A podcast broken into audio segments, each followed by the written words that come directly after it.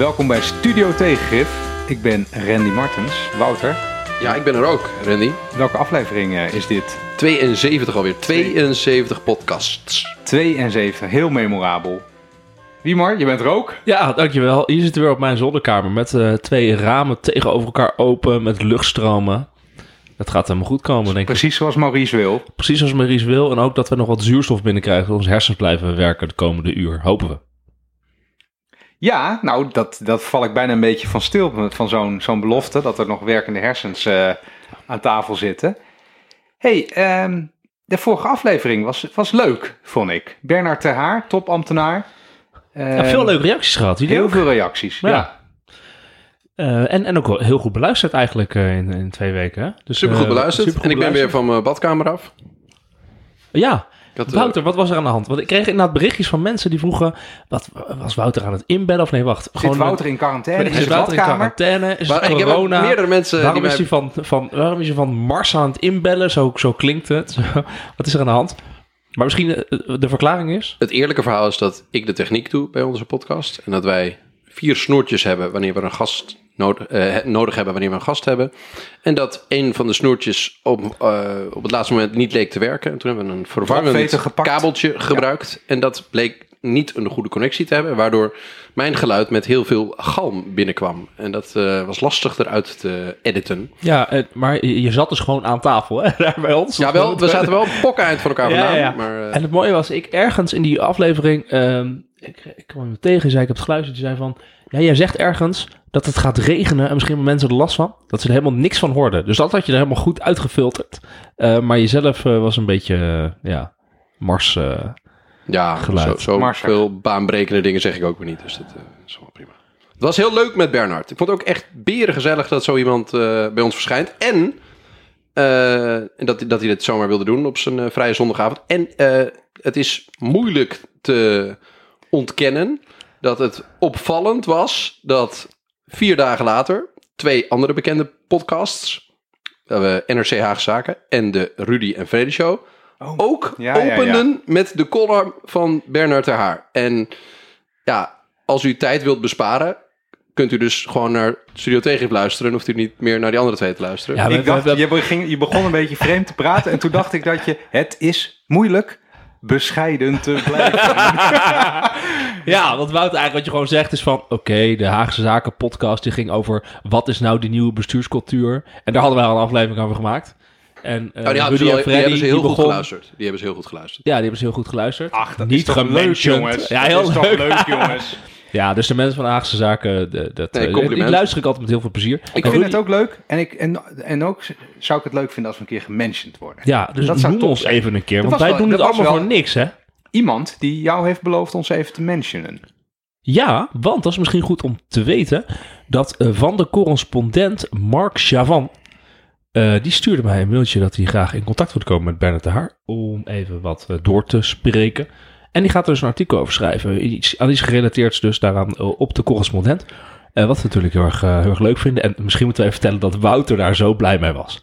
Want misschien de mensen die ons nu 72 afleveringen hebben geluisterd, Wouter die is een beetje een groupie hebben- van Mark Chavan. ja, Wouter heeft heel vaak genoemd het boek eh, Niemand regeert. Klopt, ja, Ja, meermaals. Heb je heel vaak genoemd. Max van, dat is een oud eh, eh, hoogleraar van mij in eh, Groningen. Waar ik een, eh, nou, heel veel waardering voor had. En dan is het heel leuk om te horen als je, weet ik veel, twaalf jaar later uit je, je naïeve, onbezuiste studentenperiode bent. Dat eh, je oud hoogleraar dan naar je podcast luistert. Gewoon mooi. Ja. Dan ben je weer een klein jongetje die heel tevreden is. Precies, en ik vond het ook mooi dat eh, blijkbaar, dit is een grapje, de, de president van de Algemene Rekenkamer ook goed had geluisterd naar Bernard de Haar. Die gaf een interview waarin hij zei dat het zelfbeeld van Nederland niet klopt. Eigenlijk een beetje overmoedigheid. Ja, ja, ja. En toen dacht Ja. heel veel, er waren mensen oh, die meteen zeiden, hé, hey, toen we dit lazen, toen dachten we eigenlijk, ja, Bernard de Haar had het ook al gezegd. Dus ja, vond ik grappig. Ja, hij raakt, maar dat, ik denk dat het meer is dat Bernard haar gewoon ehm, eh, een alibi verschaft aan heel veel mensen. Doordat hij een topambtenaar is die bijna tegen zijn pensioen aan zit, is nu, die nu dit verhaal gaat eh, vertellen. Dat iedereen zoiets heeft van, ja, zie je wel, zie je wel. Ja. En daarom eh, raakt het echt de, de juiste snaar. Ja, nog even trouwens. Martin Visser had daar ook een hele mooie eh, column over. Martin Visser van de Telegraaf. Luistert hij ook? Ik weet niet of hij luistert. En, Gooi eh, we we, hebben wel, we, notes. zijn wel eens een beetje aan het zeuren op de Telegraaf en grapjes aan het maken. Maar Martin Visser had echt een hele goede column over dat Nederland niet meer aan de top stond, maar subtop qua openbaar bestuur. Eh, een beetje dus in dezelfde lijn. Maar Oh, ook ja, de ja. nieuwsbrief. De nieuwsbrief van Martin eh, Visser van afgelopen week. Lees hem. Echt eh, supergoed. Hierover, maar ook over eh, coronacrisis, Nou, herstelplannen. Ik vind altijd, je, de, mensen een beetje in onze, laten we zeggen, bubbel, lopen een beetje te, op Telegraaf te zeiken. En we ook wel. Maar dit is echt goed wat Martin heeft gemaakt. Op de Telegraaf zeiken is ook een beetje een sport, hè? Ja. Dat moet je niet altijd serieus nemen. Je raakt ook met nu toevallig aan een stukje voorbereiding wat ik heb gedaan voor deze podcast. Namelijk, ik had ooit eens op Twitter gevraagd: jongens, kunnen jullie mij helpen beleid te, te noemen wat, wat slechts enkele jaren geleden is ingezet als een hervorming en nu, vier, vijf, zes, zeven jaar later, als een totale mislukking wordt beschouwd? Eh, en daar kwamen toen 163 reacties op. Hartstikke eh, interessant. Vooral van mensen die werken in sectoren die, die, die met grote verontwaardiging bepaalde beleidswijzigingen benoemen. Dat, dat, eh, ik, ik preview, hoe zeg je dat? Ik sneak preview dat nu even en dan kom ik daar wel even op terug. Eh, zo. En dat lijstje wordt eigenlijk, eh, ja, het, het, het, het is een heel herkenbaar lijstje. Hé, hey, maar... eh, wij- Gekte. wij- nee, ja, waar gaan we deze aflevering over hebben? Je hebt nog geen titel genoemd, toch? Of eh, had ik het Nee, ja, maar als mensen Ja. hierop klikken, dan weten ze al waar, we, waar ze op klikken. Maar wij gaan, nogmaals, heel onbescheiden weer, een advies geven aan de informateur. Precies. Mariette Hamer, jouw oude baas ook. Eh, Zeker, geloof ja. ik. Dus, eh, heb jij, waar, waar heb jij allemaal voor Mariette Hamer gewerkt? Of komt het zo? Ik heb, eh, eh, toen ik eh, net eh, begon met werken, heb ik voor de Tweede Kamerfractie van de Partij van de Arbeid gewerkt. Eh, en daar eh, dus twee, tweeënhalf jaar, misschien langer, drie, voor Mariette Hamer als eh, medewerker. Toen zij Kamerlid was van de Partij van de Arbeid. Dus op eh, arbeidsmarkt en sociale zaken. eh, ehm, eh, ja, dat soort eh, eh, dossiers. En later heb ik nog eh, bij de Sociaal-Economische Raad eh, een tijd gewerkt. En daar, eh, ook voor haar dus, want zij was de voorzitter van de, van de SER. Daar ben ik ook in contact gekomen. Is ze nog steeds. En zij is nu dus informateur. En het grappige is dat zij nu dus eh, onder andere de jongeren van het SER Jongerenplatform, wat zij heeft opgericht bij de SER om te verjongen. Ze dus een, een jongerencoalitie eigenlijk daar gesmeed. Die dus ook dus, rapporten maakt. ja, wat is daarmee dan? nou, die komen dus nu weer daar langs. Eh, wel grappig, want ik heb voor, met die, dat jongerenplatform ook nog eh, aan publicaties gewerkt. Dus, Dus heel ik- veel van de dingen die nu terugkomen in die formatie, dat Oké, ik met maar dan ook. verwachten wij zo een uniek inzicht in de psyche van de informateur. We gaan een, Van jouw kant. Oké, dat is goed. Gaan we mee, maar eerst Maar even eerst. gekte van de week. Het Maand, belangrijkste. jaar.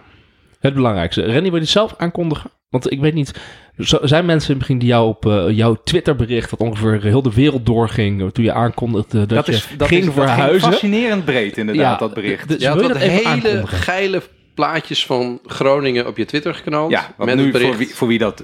Ik leef heus niet in de veronderstelling dat iedere luisteraar dat nu weet. Maar wij gaan naar Groningen verhuizen, ja. En daar had ik inderdaad over getwitterd. En wij dat- zijn jou, jouw vrouw. Ja, ja Eh, zeker. Ja. Eh, dat is goed om te weten. Dat klopt. Ja, dus wij gaan eh, met het eh, gezin naar Groningen verhuizen.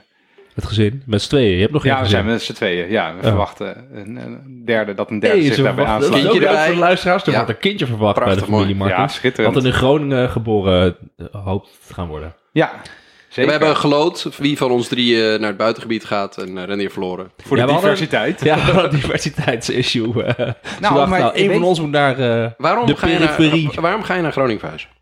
Nou, voor ons is dat heel... Kijk, wij willen gewoon dichter bij familie wonen. Alleen als je dus eh, kijkt welke reacties je hierop krijgt, dat is fascinerend. Dus je hebt, je hebt eh, aan de ene kant heb je reacties van mensen die ooit ook zo'n stap hebben gezet. En die zeggen, het is fantastisch. Dat had, had ik veel eerder moeten doen. Het is geweldig. Het is nog veel beter dan je al denkt. Want ik heb, heb er eerlijk gezegd ook wel hoge verwachtingen van. Om even in het Nederland buiten de grote steden te wonen. Dat lijkt me heerlijk op, op heel veel vlakken. En, en dat is ook voor een tweede groep mensen echt een punt dat mensen, eh, hoe zeg je dat? Dat een geweldig iets vinden. Dat je buiten de Randstad gaat wonen. Nederland is zo ge- gecentreerd op de Randstad. En vooral, jij noemde net ook dat we in een soort bubbeltje zitten, Wiemar. Dat is Ja. natuurlijk zo. Het is een heel eh, klein kringetje. Eh, toen ik net vertelde welke makelaar ik had, toen zeiden jullie, ja, die makelaar hadden wij ook. Ja, dat is trouwens wel goed. Ja. Wij wonen allemaal op een vierkante kilometer hier in Den Haag. En het is een, het is een, een incestueus kliekje bij tijden. Ja, en alles En- voorbij Amersfoort is heel eng. Nou ja, de meeste mensen die hier werken in het openbaar bestuur, die zijn daar nog nooit geweest. Eh, die komen daar niet. Dus dat maakt het allemaal al heel eh, bijzonder. Ja, dus eh, ik, ik heb er wel zin in. Ik ben er wel. eh, Is dat de hoofdreden? Ik wil dichter bij familie wonen?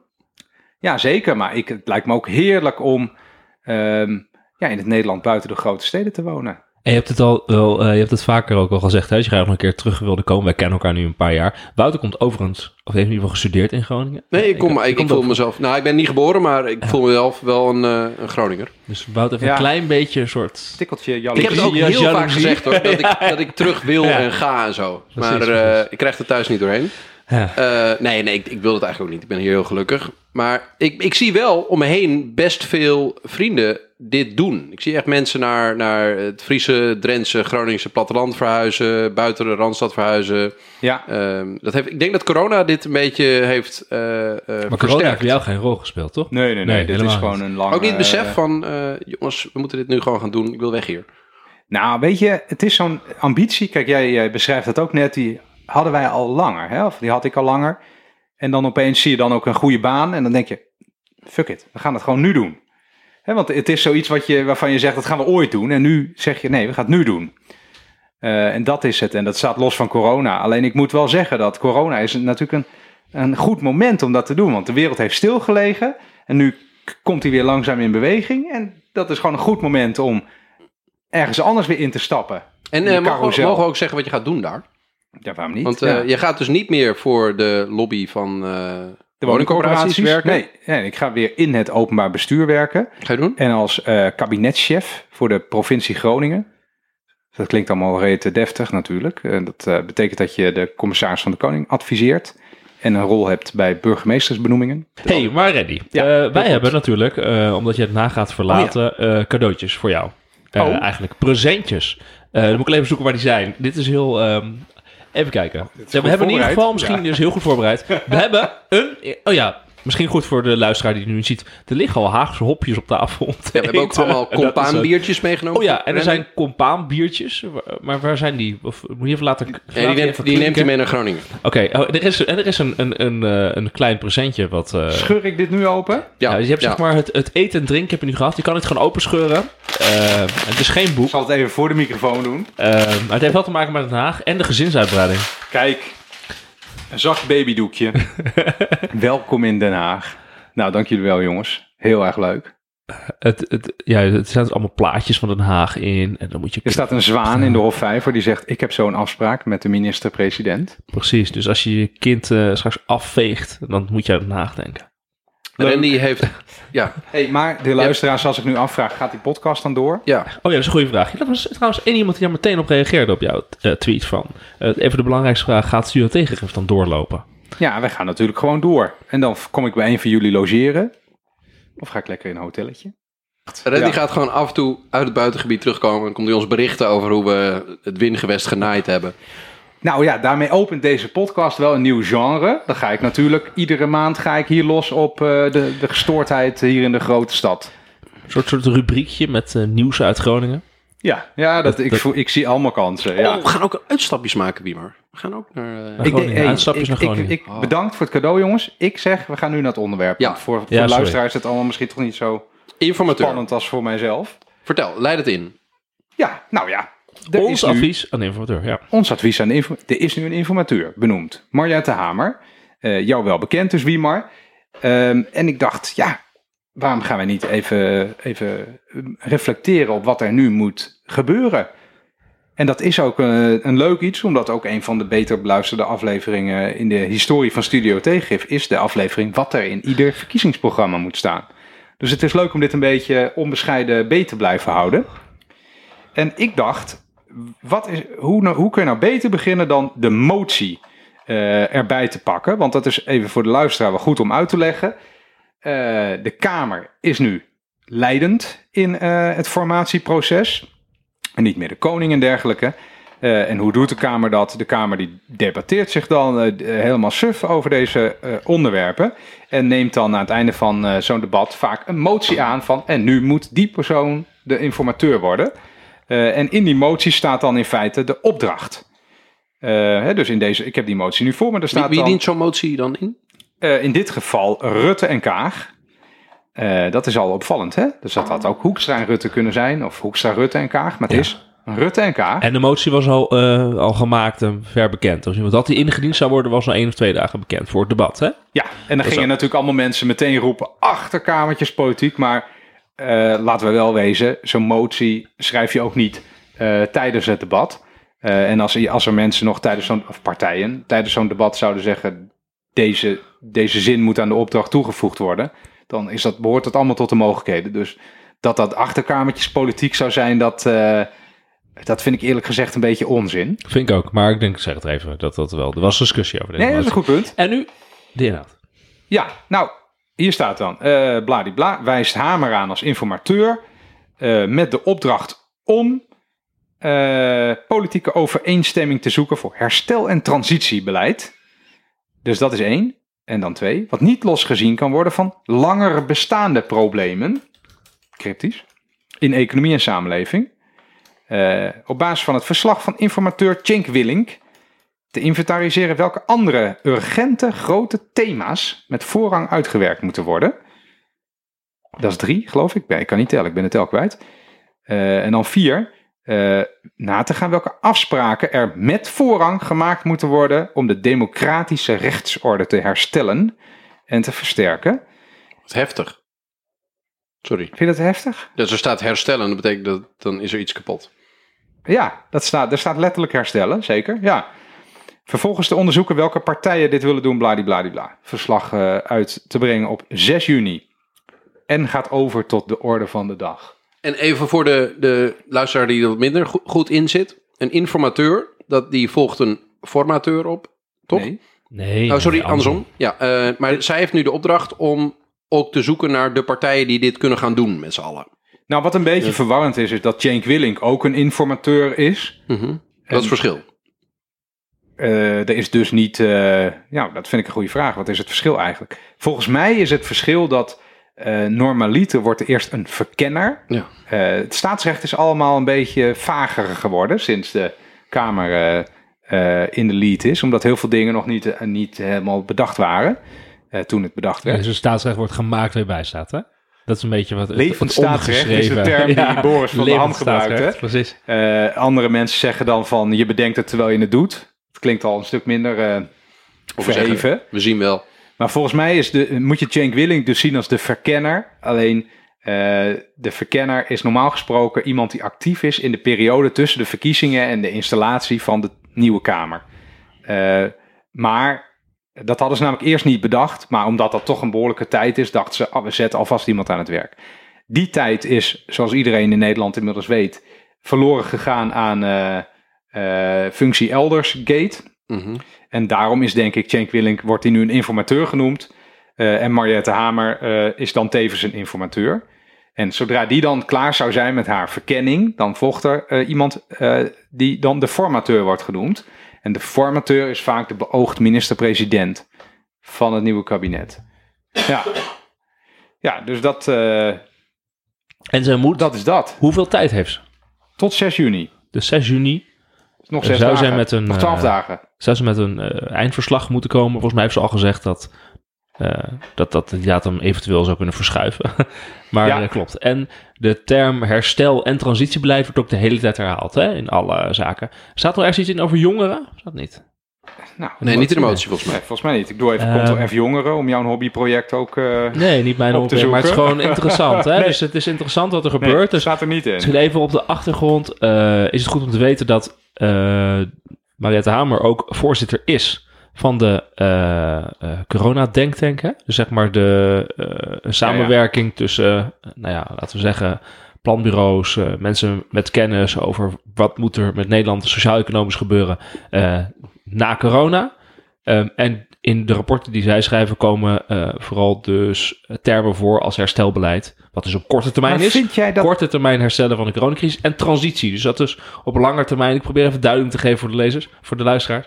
Eh, transitie is van, oké, je wilt op lange termijn bijvoorbeeld naar een eh, klimaatneutrale economie, of je wilt naar eh, ehm, eh, bepaalde woningbouwdiscussies, of je wilt iets met De rechtsstaat herstellen. Dat dus dat zijn vooral langer termijn, echt veranderingen van waar je eh, economie of samenleving heen moet. Dus het is heel duidelijk opgeknipt, maar het zijn wel twee termen, herstelbeleid en transitiebeleid, die de hele tijd in die denktank corona ook terugkomen in de publicaties. En, en wie maar, Dus het waar- is logisch om het aan het vragen, zo bedoel ik het. wa- waarom, jij hebt een, een, eh, een, een jaar of vijf met Mariette Hamer gewerkt. Waarom zijn eh, zowel D66 als VVD er oké mee om haar voor deze klus te vragen? Wat, eh, wat maakt haar een, eh, een geschikt iemand hiervoor? Nou, volgens mij is het op de achtergrond gewoon, ze natuurlijk heel, heel erg lang Kamerlid geweest.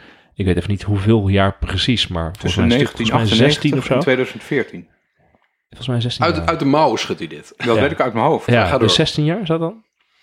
Dat is inderdaad 16 jaar. Heel 16 goed. jaar Tweede Kamerlid voor Ook de Partij van de Arbeid. Dat is wel, dat is echt lang. Eh, en daar heeft ze dus in- natuurlijk in alle coalities samengewerkt. Ook met eh, alle partijen ongeveer.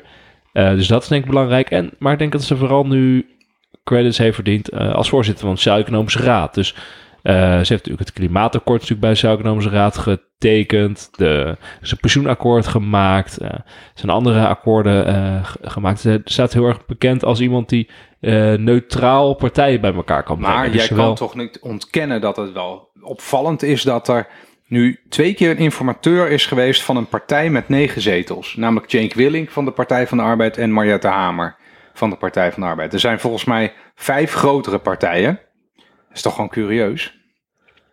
Leg dat eens uit. Waarom, waarom- nou, je kan ook zeggen, eh, blijkbaar is een partij met een eh, lange, lange, grote historie. zijn er dan dat soort mensen beschikbaar? Je kan ook zeggen, ja, het, het is relatief neutraal in de zin dat eh, het niet juist de grote partijen zijn die nu gewonnen hebben. Hè? Dus het is een, een- in die zin een, een outsider. Cenk Willink en ook Hamer is een beetje een outsider. Dus staat niet meteen eh, eh, bekend als iemand die of de VVD of D66 gaat bevoordelen. Dus het, dat is, dat is ook fijn. Is het niet ook zo dat... Ehm, dat oh, sorry. Eh, dus ik denk dat dat, dat heel erg meespeelt. En bij, bij deze keuze voor Hamer speelt denk ik heel erg mee dat ook Rutte haar gewoon vertrouwt. Doordat Ja. ze zo lang hebben samengewerkt. Hè? Dus Rutte kent natuurlijk uit de Tweede Kamer, kent ook als voorzitter van de, van de SER. Dus het is voor hem ook een, Ja, ja. eh, fijn om, er, eh, om te weten van hé, hey, dit, eh, dit gaat goed. En zij was in de PvdA-fractie altijd volgens mij al degene die heel veel van het regelwerk op de achtergrond deed. Ze is niet de meest polariserende, eloquente, polemisch, polemische politicus of zo. Ehm, en ze, ze heeft volgens mij niet meer sinds dat ze al het werk bij de SER doet, eh, ontzettend groot PvdA op haar voorhoofd staan. Die Nee, partijen- deze Express is natuurlijk van... eh, Beschouw haar eh, ook niet echt als een, eh, een, eh, een, een zwaar ideologische sociaaldemocraat. Nee, oké. Nou ja, goed, in ieder geval, historisch gezien is het eh, eerder gangbaar om iemand van eh, de grotere partijen eh, hiervoor te vragen, hoor. Ja, ik, ik denk dat... Maar ik denk dat het juist door de gevoeligheid van deze hele Ja. formatie, door inderdaad het, de functie elders en dergelijke, dat daardoor dat dus nu niet kan. Omdat je dan het gevoel krijgt, hé, hey, iemand eh, probeert toch eh, of de VVD eh, te bevoordelen of juist heel erg te benadelen. Dus er moet, er een, een, een persoon een beetje met afstand, neutraal, door iedereen geaccepteerd gevonden ik denk worden. zelfs dat het een ja, soort een keuze. downer voor de PvdA kan zijn. Dat binnen de VVD vrij breed het idee levert van... jongens, we zullen helaas heel veel moeten gaan inleveren. Want we hebben gewoon eh, een, eh, een- een flink wat klappen moeten vangen... door alles wat er gebeurd is rondom de, de vertrouwenskwestie en, en functie Aldersgate.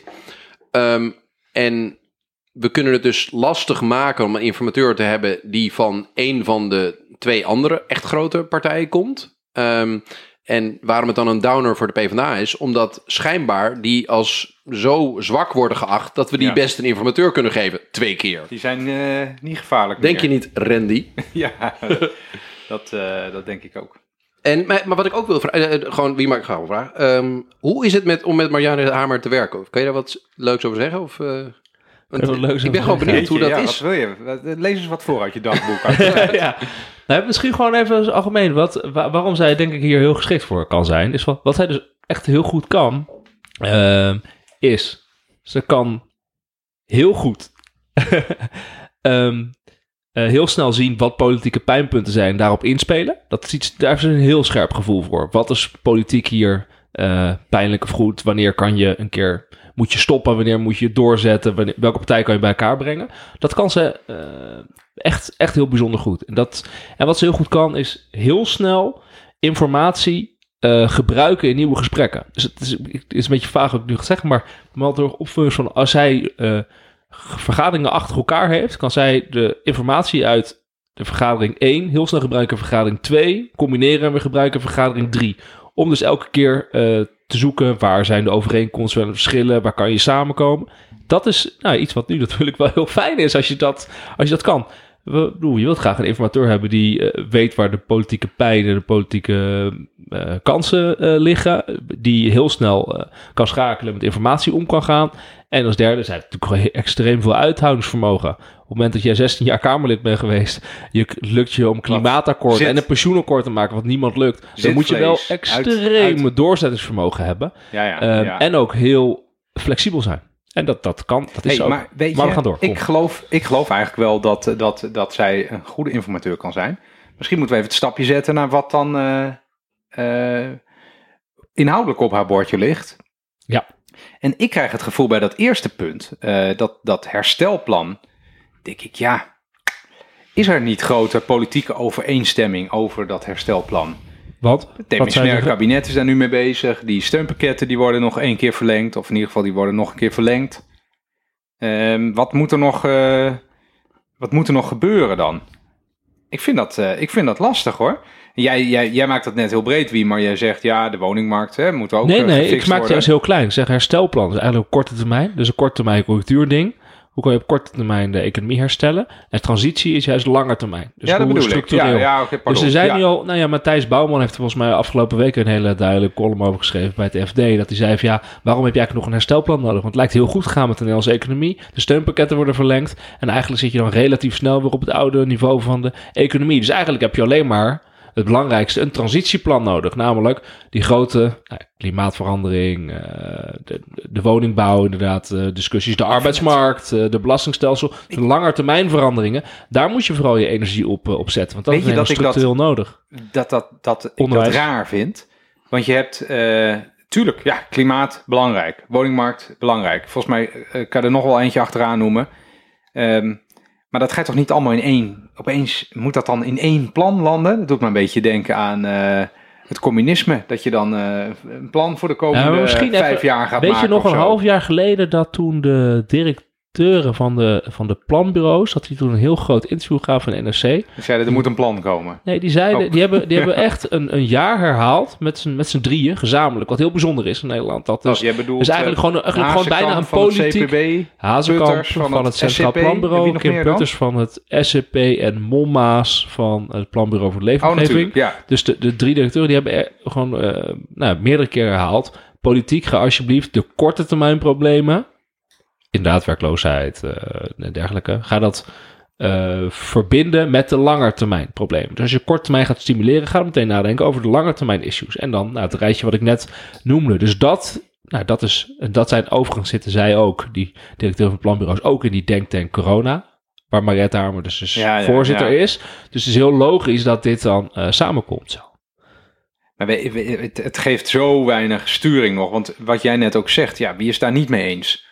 Eh, denk meteen aan de lange termijn. Ja, natuurlijk. Maar wat is dan de bedoeling? Ik denk dat dat juist de bedoeling is dat het heel breed is. Omdat ze allemaal aanvoelen dat... We gaan geen regeerakkoord maken. Hè? Dat Het is geen regeerakkoord maken. Het is het gereed maken voor het aanstellen van de formateur die een kabinet kan gaan smeden. wat zij moet gaan doen. Dus het is wat het gaan- inmasseren wat de thema's moeten Precies. zijn. Dus eh, op basis van deze kaders gaat, gaat zij praten met de fractievoorzitters. En wie kan hierop aansluiten en waar kunnen we elkaar vinden. En dat wordt inderdaad dus nog best wel op hoofdlijn. Wel inhoudelijk, dat is nu het idee. Niet meer over personen praten, maar inhoudelijk. En dat is eigenlijk een voorbereiding op de, nou, de volgende fase met een formateur. Of, Weet je wat ik ook opvallend vond? Dat iedereen eh, wel zegt ja en aan als, als het gaat om eh, eh, een formatie langs inhoudelijke lijnen. Deze opdracht, die zegt ook, ik heb dat allemaal net niet voorgelezen hoor, maar is heel inhoudelijk. Zegt gebruik de expertise van de departementen, de bestaande rapporten, adviezen, bladibladibla. Overeenstemming op de inhoud. Eh, maar dat eh eh Sigrid Kaag voor de, voor de microfoon al heeft gezegd, voor de zomer wil ik een kabinet van VVD, CDA, D66. Ja, dat is heel interessant. Want ja, als je nu zegt, we willen heel snel een kabinet...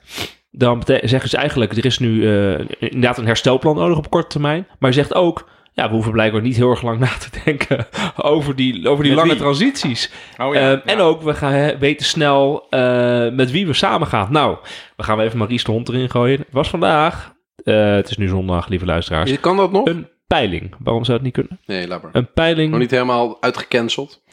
nee, een, een peiling van, van hem, geen mensen, ehm, waarin hij zegt van, hey, we hebben voorgelegd in hoeverre ehm, welke partijen met elkaar willen samenwerken. En het interessante is dus dat de coalitie die ehm, Kaag voorstelt, eigenlijk best wel eh, veel eh, nadelen heeft. Tenminste, VVD en CDA-kiezers zien dat dus absoluut niet zitten. Wat willen die dan? Ehm, die willen eigenlijk, eh, als ik hen zo volg, een soort kernkabinet. Dus eigenlijk VVD, CDA, D66 met z'n drieën. Die willen eigenlijk het liefst nog, ehm, als ik het snel zie, eh, ja 21 er bijvoorbeeld bij. Dus wat meer, eh, laten we zeggen, economisch rechts en cultureel conservatief. Ehm, eh, dus het, het, lijkt voor VVD en CDA wel heel lastig te zijn om zowel PvdA als, eh, als GroenLinks eh, erbij te hebben. En over het algemeen willen de partijen, dus VVD en CDA, het liefst de PvdA erbij en minder GroenLinks. Dat vindt ze toch wel een, een lastige ehm, om die te doen. Dus het, het voorstel wat D66 eh, zegt, ehm de wat Kaag doet, is vanuit D66-optiek heel begrijpelijk. Ehm, ja, het is gewoon vlucht vooruit. eh, vlucht vooruit. eh, maar je lijkt, lijkt nu wel een soort reactie te komen bij VVD en CDA van hé, hey, dat wordt lastig. Want je Ja, ziet al het in de media. contrair aan dat iedereen zegt... we moeten die formatie langs de inhoud Ja, dat eh, klopt. aanvliegen. Dat klopt, dat klopt. Het is, in die- dit is in die zin contrair, ja. Ik wil wel een beetje, ik wil wel een beetje nu een stapje naar die inhoud toezetten, als jullie dat goed vinden. Eh, want ik dacht, ja, wat, wat kunnen wij nou adviseren? En ik moest eh, denken aan een film die ik eh, heel leuk vond. Eh, Limitless. Ken je dat? Ja. Met Dus die Bradley die een- Cooper. een pilletje neemt, toch? Hij, hij, ik weet niet meer precies hoe hij aan dat pilletje komt, maar dat is een of andere eh beetje een sukkel. En hij schrijft aan een boek, maar daar heeft hij nog maar eh, tien pagina's geschreven. En zijn huis is een dikke bende. En dan krijgt hij op een of andere manier zo'n pilletje. Wat is nou dat advies? Hey, laat Nee, maar. maar laat- hem kom maar, kom Hij maar. gaat dit thuis brengen. En dat pilletje, dat maakt hem hyper intelligent. En dan, eh, wat is dan het? En dan is hij limitless. Hè? Dat betekent eh, grenzeloos in het eh, Engels. Goed niet even vertaald. Je Ja. bent drugsbeleid vrijgeven? Huh? Nee, nee, nee. Maar intellectueel wordt hij dan... Iedereen met Onbegrensd. een, een pilletje voordat je bij Maria Nee, nee, maar, komt. Maar het eerste wat hij dan doet, het eerste wat hij dan doet, is iets, iets wat heel vreemd lijkt. Gaat hij zijn huis opruimen. Want hij, wen- hij woont in een bende, dus hij gaat zijn huis helemaal opruimen. En dan daarna pas gaat hij zijn, zijn boek afschrijven en allemaal briljante dingen doen. Dat is eigenlijk ook het advies wat ik eh, in dit geval aan de informateur mee zou willen geven. Het huis Want het huis van de Nederlandse overheid is niet op orde. Oh, wat mo- Daar ik, heb ik- oh, ik, dit doe je toch wel mooi, vind ik. Ja, toch thuisgebracht? Ja, Ja, ja. En toen dacht ik, ja, maar weet je, als ik, als ik eh, we hebben hier nu 100 uur over geluld met elkaar. Hè? En wij werken daar eh, iedere dag in die, in die setting.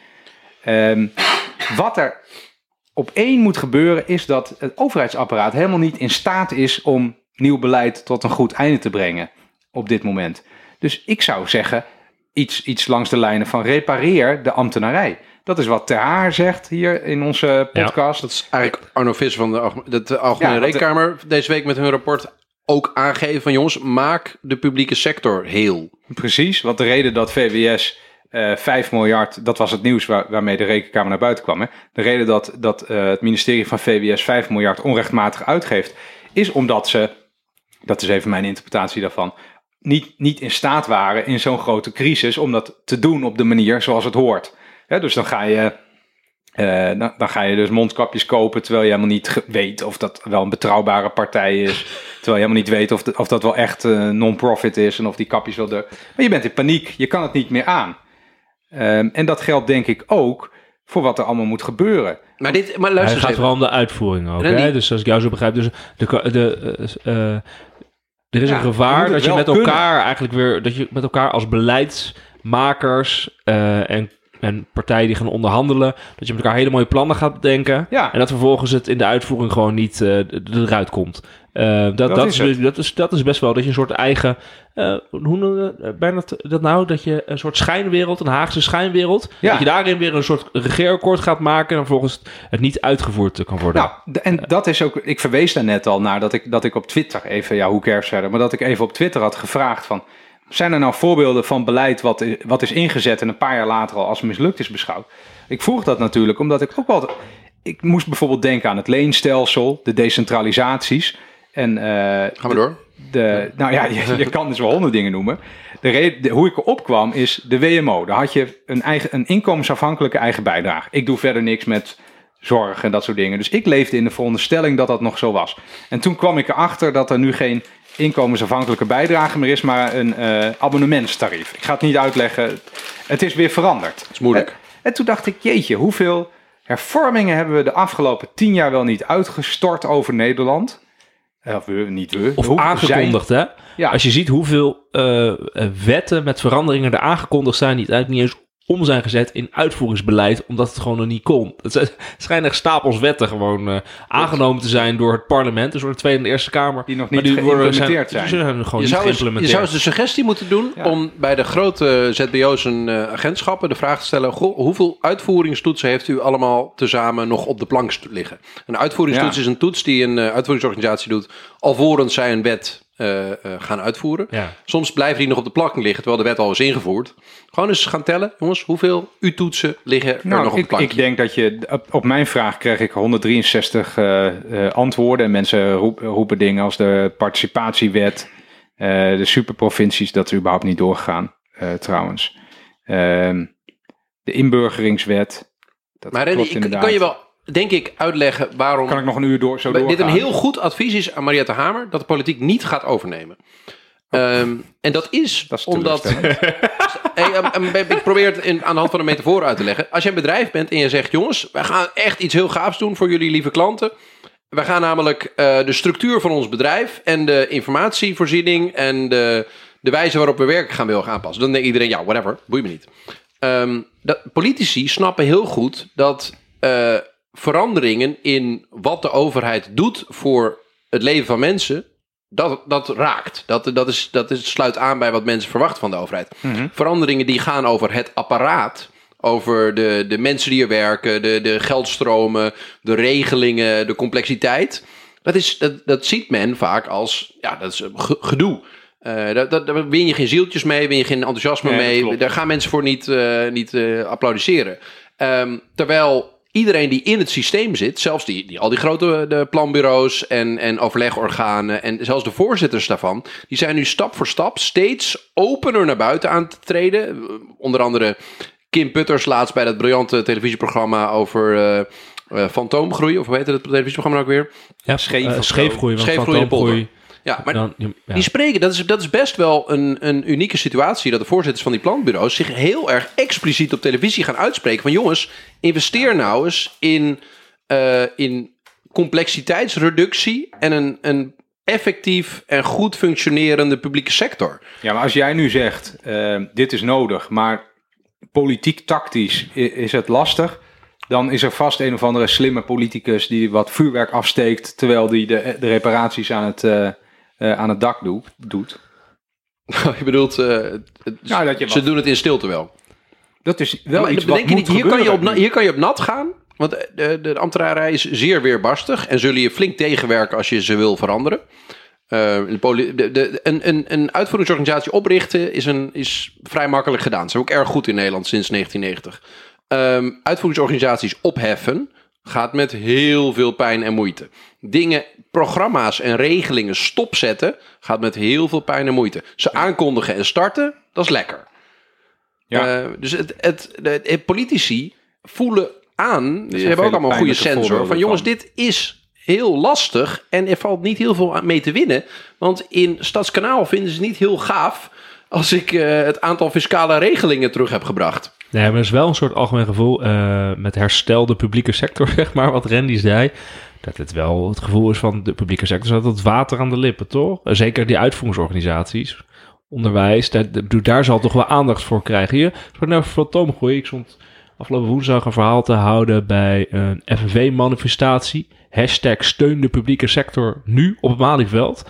Met Sander uh, Hij Heijnen. stond eh, op het podium of zo? Of hoe, ja, eh, op, een, op een podium een oh, verhaal ja, je te houden het over... heel tussen neus en lippen door. Ja, dat je, ja, op nee, Malieveld. dat je nu een soort een- actievoerder bent Ja, ik ben een actievoerder eh, geworden. Nee, ik, ik eh, heb daar wat verteld over mijn proefschrift. aan?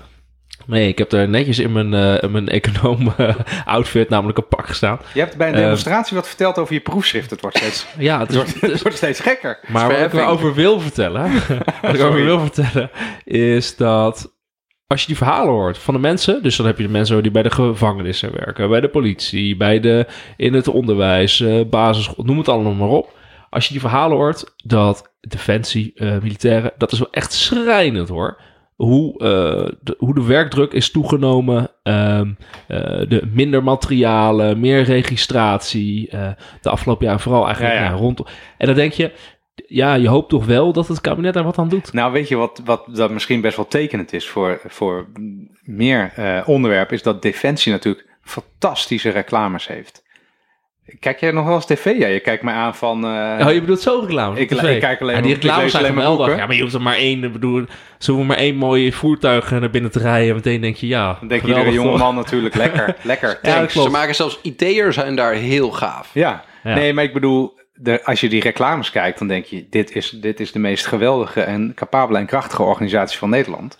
Ja. Maar als je daar komt, dan, dan zijn er geen kogels en dan moet je Ja, ja, precies. precies. Nou, je ziet nu ook in de verkiezingsprogramma's hè, dat er wel echt geld is uitgetrokken voor de uitvoeringsorganisaties, het openbaar bestuur, voor Nou, defensie, voor kijk. onderwijs. Dus de, de, de, je ziet dat in de Waar, waar zie- verkiezingsprogramma's. oh, ja, ja. Maar gaat dat Ehm, ook eh, bij de informateur erdoor komen? Ja, zeker, want eh, ja, daar, daar gaat zeker geld uh, En maar weet je wat het is? Er zijn nu zoveel... Maar eh, de vraag is van, gaat dat, jij zei eh, complexiteitsreductie in de publieke sector en dergelijke.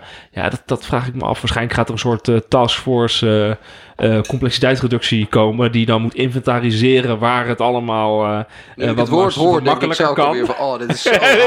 Dit Ja. kan gaan gebeuren, hè? Dit kan Dit gaan is zo gebeuren. erg. Nee, maar weet je, dit is toch ook al heel lang geroepen. Op een gegeven moment, eh, Oh volgens ja, mij er was het taskforce minder eh, administratieve lasten. Heb je ook een keer gehad. Wil je daar naartoe of niet? Nou, nou, die is er inderdaad een keer geweest, nu je het zegt. Maar Voor mij al heel vaak. de VVD heeft ook wel eens geroepen, voor iedere nieuwe regel die er komt, moet afschaffen. je twee afschaffen. Ja.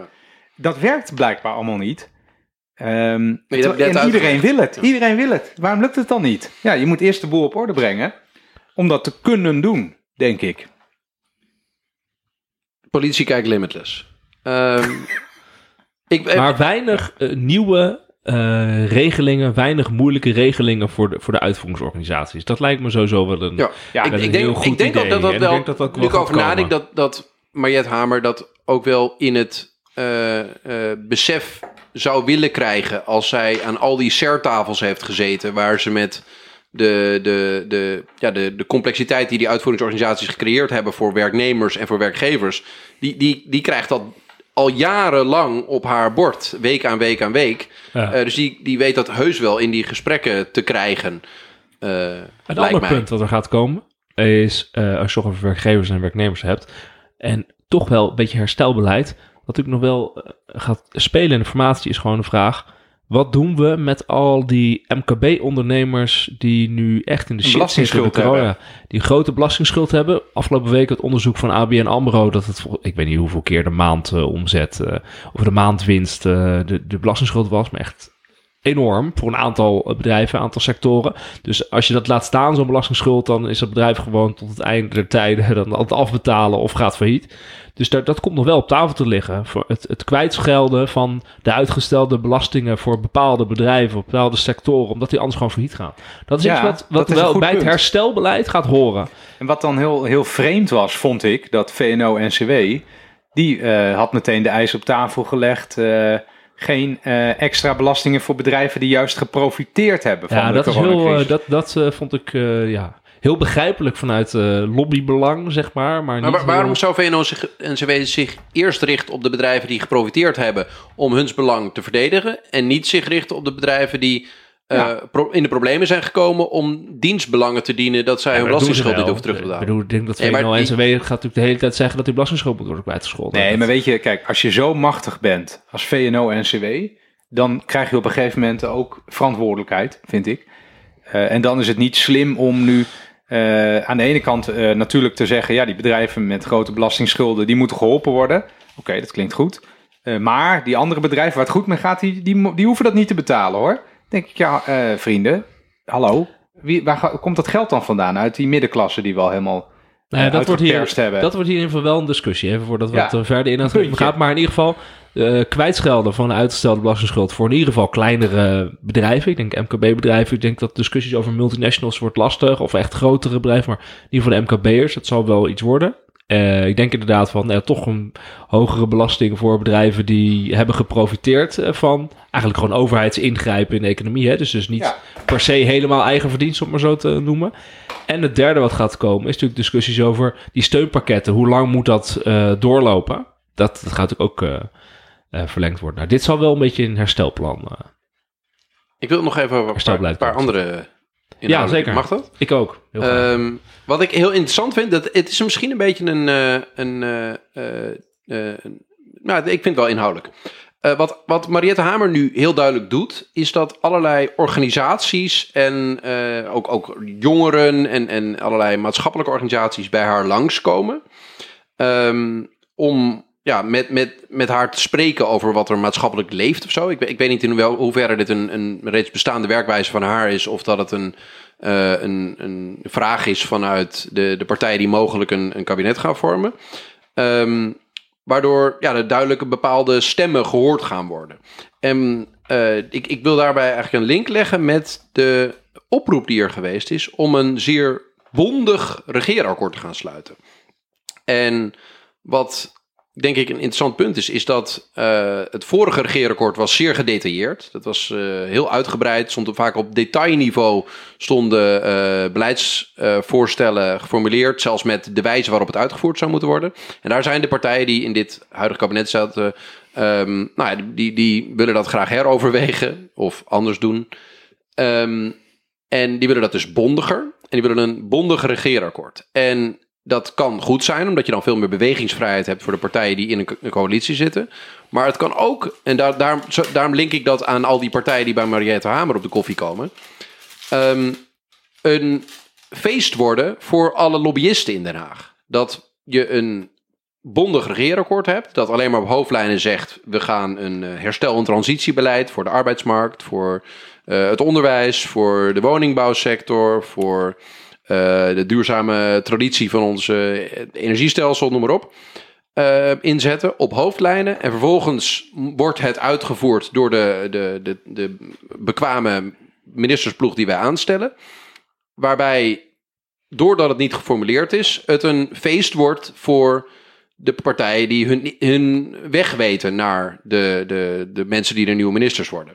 En dat, dat doet me ook denken aan wat Mariette Hamer nu doet. Is die allerlei partijen, omdat ze een bepaalde vertegenwoordiging zijn of een bepaalde groep representeren, op de koffie vragen. Dus lopen we niet het risico dat het belang dat, dat Mark Rutte en Sigrid Kaag heel erg eh, openlijk roepen van we moeten meer openheid, openheid, openheid. Dat dat helemaal niet het vertrouwen gaat opleveren dat we willen. Doordat ehm, de, wat, wat men zelf organiseert is een soort lobbycratie. Omdat er zo weinig op papier staat dat heel veel georganiseerd wordt via de, de vakministers die gewoon bepaalde mensen in hun telefoonboekje hebben staan. Net als Mariette Hamer, die ook bepaalde mensen in haar telefoonboek had staan. Ja, maar dat, dat dunne, dat is wel een goede discussie. Want dat dunne regeerakkoord, dat, he- dat Dit is, natuurlijk ook een even- discussie die we al dit is, tien eh, keer voorbij Tom-Jan hebben er komen. ook in, het, in de NRC? Ja, Ja, volgens mij wel. Tom-Jan Meeuwis had hier een stuk over Oh, gezegd. die praten wij dan weer na, bedoel je? Dus Nou ja, dat, ik die vind het wel netjes mentionen om het even te noemen, want Ja. ik vond dat wel... eh, dat is een eh, interessant stuk. Ja. Ja. Dat, dat, de- eigenlijk zegt hij van eh, de, de, de lobbykantoren die zitten hun, eh, hun, eh, hun leden of hun, Ja, maar eh, hun klanten al te mailen dat ze lekker kunnen gaan lobbyen. Ja, even met alle respect, ik vond dat juist niet zo'n niet zo'n bijzonder stuk. Want eh, dat is toch wel een hele. Ja, weet je, ehm, gaat het daar dan over? Nee, volgens mij niet. Want waarom pleit men voor dat dunnere regeerakkoord? Eh, dat is een oplossing voor het feit dat de Kamer geen tegenwerk meer kan leveren tegen de, de eh, regeer, tegen het kabinet. Dus dat is maar een middel. Hè? Het doel is de Kamer weer sterker maken. Nou, je kan allerlei dingen bedenken om de, om de Kamer sterker te maken. Geef ze meer medewerkers. Geef ze een eigen eh, onderzoeksinstituut. ja, daar eh, moeten we zo nog even over hebben. Precies. Ja, de, de parkeren we even. Ehm, of ge- of eh, iets wat vroeger vaak voorkwam. als je heel oud bent, heb je dat nog meegemaakt, dat er... eh, Wat is dit? Partij- Rennie is geestelijk heel oud in ieder geval. Hè? Volgens mij ben jij de jongste van ons drie, meneer Martens. Ja, maar lees eens een boek, zou ik zeggen. Dan, kun je, kun je alle, dan staat die toegang van vroeger, of die informatie van vroeger, die staat gewoon open voor je. Vroeger waren er vaker partijloze ministers. Ehm, en ik denk dat het misschien wel, eh, en dan bedoel ik niet die hersenloze oproepen tot een, tot een Ja, zakenkabinet, dat is want dat vind ik al verschrikkelijk. zo leeg en eh, zo, zo makkelijk om te roepen. Eh, maar wat, wat we volgens mij met z'n allen wel zien, is dat Nederland de afgelopen jaren ministers heeft geweest die inhoudelijk niet opgewassen zijn tegen de taak die ze hebben gekregen. Eh, en ook veel te verbonden zijn met de politiek, eh, met de, hun politieke partijen waar ze uit voortkomen.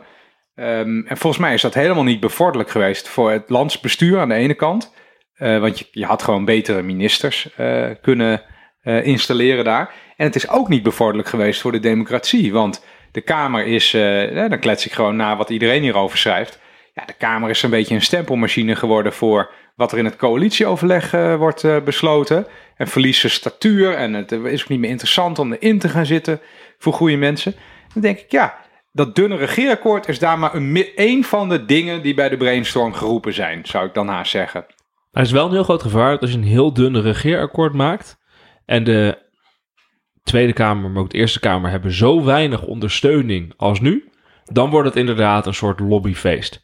Want dan, hè, dan wordt het gewoon, oké, we gaan de, eerst moesten we lobbyen bij het ministerie, eh, want eigenlijk had de Tweede Kamer geen tegenmacht. En nu richten we de lobby nog meer op de Tweede Kamer en de Eerste Kamer en dan gaan we heel veel invloed hebben. Je moet Ja. wel zorgen dat de Tweede Kamer eh, opgewassen is tegen en zowel de regering en de ambtenaren die daar zitten en de, de, de lobbypartijen. Dus ik hoop wel, als een advies hebben aan de informateur, dat we, jij net al een beetje, dat er in dit, dat er inderdaad gaat komen eh, behoorlijk wat extra budget voor eh, de ondersteuning van Kamerleden. Dus gewoon meer medewerkers hebben. Dat, en dat ze het ook aan, daaraan moeten uitgeven overigens.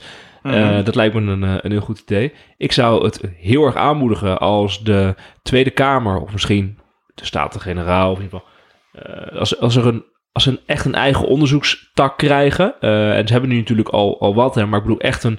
ehm, Eigenlijk een, een expertisecentrum op bijvoorbeeld het gebied van overheidsfinanciën. Dat is natuurlijk mijn dingetje, hè, maar bijvoorbeeld of, of economie. Dat je, dat je echt begrotingen kan tegendenken, ramingen kan tegendenken. In heel veel landen heb je dat, hè? Ja. Gewoon een budget office die, die onder een, eh, die gewoon werkt voor het, Het is- parlement. Het Maar is ook dus zo echt- vreemd dat dat dat er niet is in. Nederland. En, eh, bedoel, en dan bedoel ik, en dat is ook expliciet, dus niet hetzelfde als ondersteuning voor Kamerleden. Ondersteuning voor Kamerleden is echt eh, politiek, zeg maar. Maar je, dit hebt- je zou... hebt de Griffie, een- maar dat is, dat Ja, is dit geen zou- grootse denkkracht. Die, nee, ze eh, hebben dat wel ook zo'n- kunnen ze hebben zo'n aanspreken. clubje. ja, de dienst eh, kennis en analyse hebben ze. Ja. Eh, dat hebben ze inderdaad, maar dat is, Dat is niet wat jij bedoelt. dat is niet wat ik bedoel. Nee. Ik bedoel echt dat je daar gewoon, eh, gewoon wetenschappers hebt zitten die, die, nou ja, die, die, die, die inderdaad de Kamer kunnen, kunnen helpen.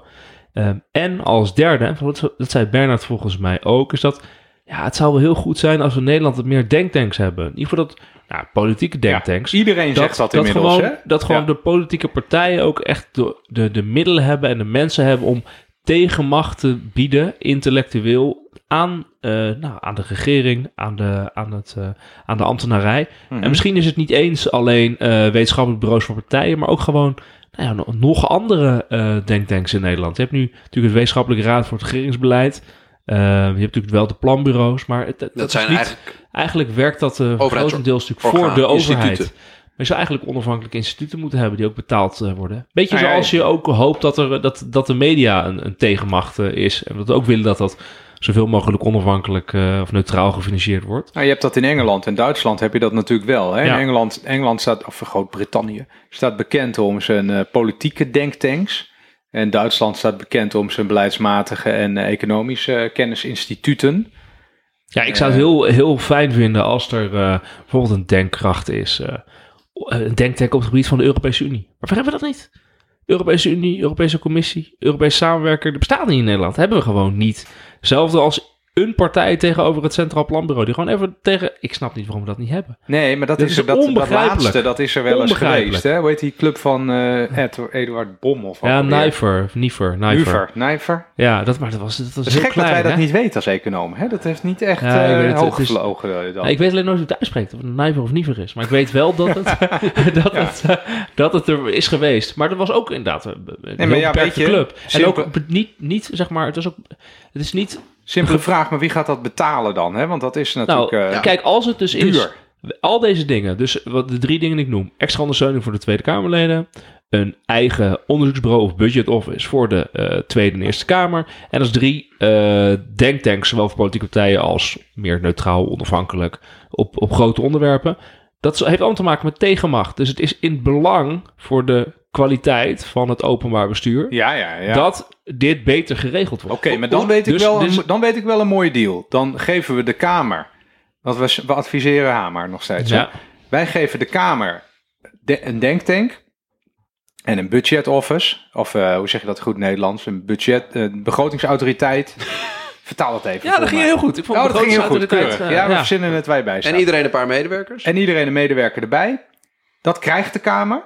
En wat de Kamer ook zelf dan doet. Niet alles is een deal in het leven, dat weet ik wel hoor. Maar de Kamer heeft zelf ook nog wat te verbeteren. De Kamer die legt een eh, quotum of zo'n limiet op aan het Een aantal kamervragen en het aantal moties. Want dat zei Bernard ook. En ik weet niet, of dat, weet niet meer zeker of dat nou in de uitzending was. Of nadat de microfoons uitgaan, dan gaat het natuurlijk helemaal van dik hout. Maar dat een, een gemiddelde jonge ambtenaar wordt helemaal knettergek van de ongelofelijke hoeveelheid kamervragen. En, en moties die, eh, die vanuit de Kamer voortkomen. Ja. En iedereen die dat... Je kan dat ook gewoon zoeken, hè, eh, lieve luisteraars, op tweedekamer.nl. En dan zoek je eh, ergens op moties of kamervragen. En dan gewoon zonder enige eh, filtering. Ja, dus- en dan zie je het totaal Ik heb trouwens aantal. dat boek van Pieter Omzicht dus ook gelezen, waar je zo'n groot fan van was. En ik denk dat het ligt nu hier ergens de Ik ben geen fanboy Maar- hoor. Ik heb gewoon nee. een boek gelezen wat ik wel kon waarderen. Ja, nou dat heb je in ieder geval gezegd, dat kon waarderen. En En denk ik van, er graag mee dat hij de hele tijd boeken leest. Ja, precies. En dan denk ik, ja, oké, de zo'n, eh, die drie dingen het net over eh, hebben. Versterken van de positie van de, van de Tweede Kamer, denktanks, eh onderzoeksbureau. Daar, daar, dat, ik denk dat hij dat ook vindt. En dat, oké, en dat, dat, dat is helemaal akkoord. Maar de, de hoeveelheid, zijn neiging om de hele tijd maar meer informatie en meer eh, kamervragen en alles moet. Dat, dat is wel de. Ik heb die vraag je wel af of er een end aan komt, zeg maar. Hey, maar aan die, zeggen aan wij die niet enorme nu- honger naar informatie. Dat is inderdaad niet werkbaar. Dus je moet daar voor jezelf Nee, daar ben ik het is dus wel helemaal goed als het jou. parlement daar een soort begrenzing in stelt. Want je kan niet. De, de, de, de, de ambtenarij of het openbaar bestuur kan niet alleen maar bezig zijn met informatieoverdracht. Je hebt ook nog gewoon. Ja, maar eh, dat, land dat heeft ook nog. eh, allemaal te maken kant met op. tijdsgebrek en kwaliteitsgebrek. Ehm, ja, nee, dat is, het is zo in de media. Het is Laten we het over het tweede hebben. Kwaliteitsgebrek. Hier wordt even een stelling geponeerd. Nee, maar het, het, is, het is zo in de media waar, waar onderbetaalde mensen eh, te veel werk moeten verzetten en te complexe problemen moeten beschrijven in te weinig tijd en te weinig letters. Ehm, en het is zo vaak bij, bij Kamerleden die een, een grote druk hebben om in diezelfde media te komen. En dat kom je dus het meest met simpele dingen die hapklaar over te nemen zijn. Dus die gaan over evenementen, mensen en incidenten. Ehm, Field Labs. ja, whatever.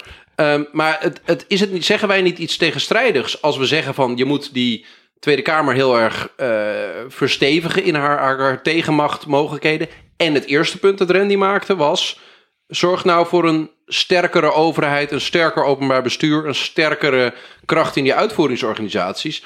Want wanneer je eh, je loopt het risico dat we ruksigloos dus die, die controlerende macht van de Tweede Kamer gaan versterken.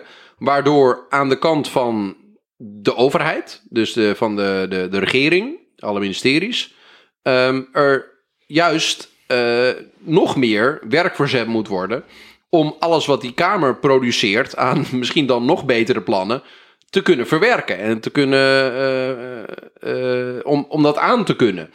Eh, dus dat je Ja. een soort van. Je, je, je bent eigenlijk aan beide kanten het aan het verwerken, waardoor je het risico loopt dat zowel de uitvoerende macht van de regering als de controlerende macht van de Tweede Kamer, als je die allebei sterker maakt, kunnen ze ook sterker worden, in elkaar heel erg bezighouden. Nee, maar dat, dat, dat, dat, kijk, dat zou Ik hoop kunnen. dat ik ongelijk heb. Dat zou kunnen, maar ik, hoop, ik denk ook dat je ongelijk hebt zelfs.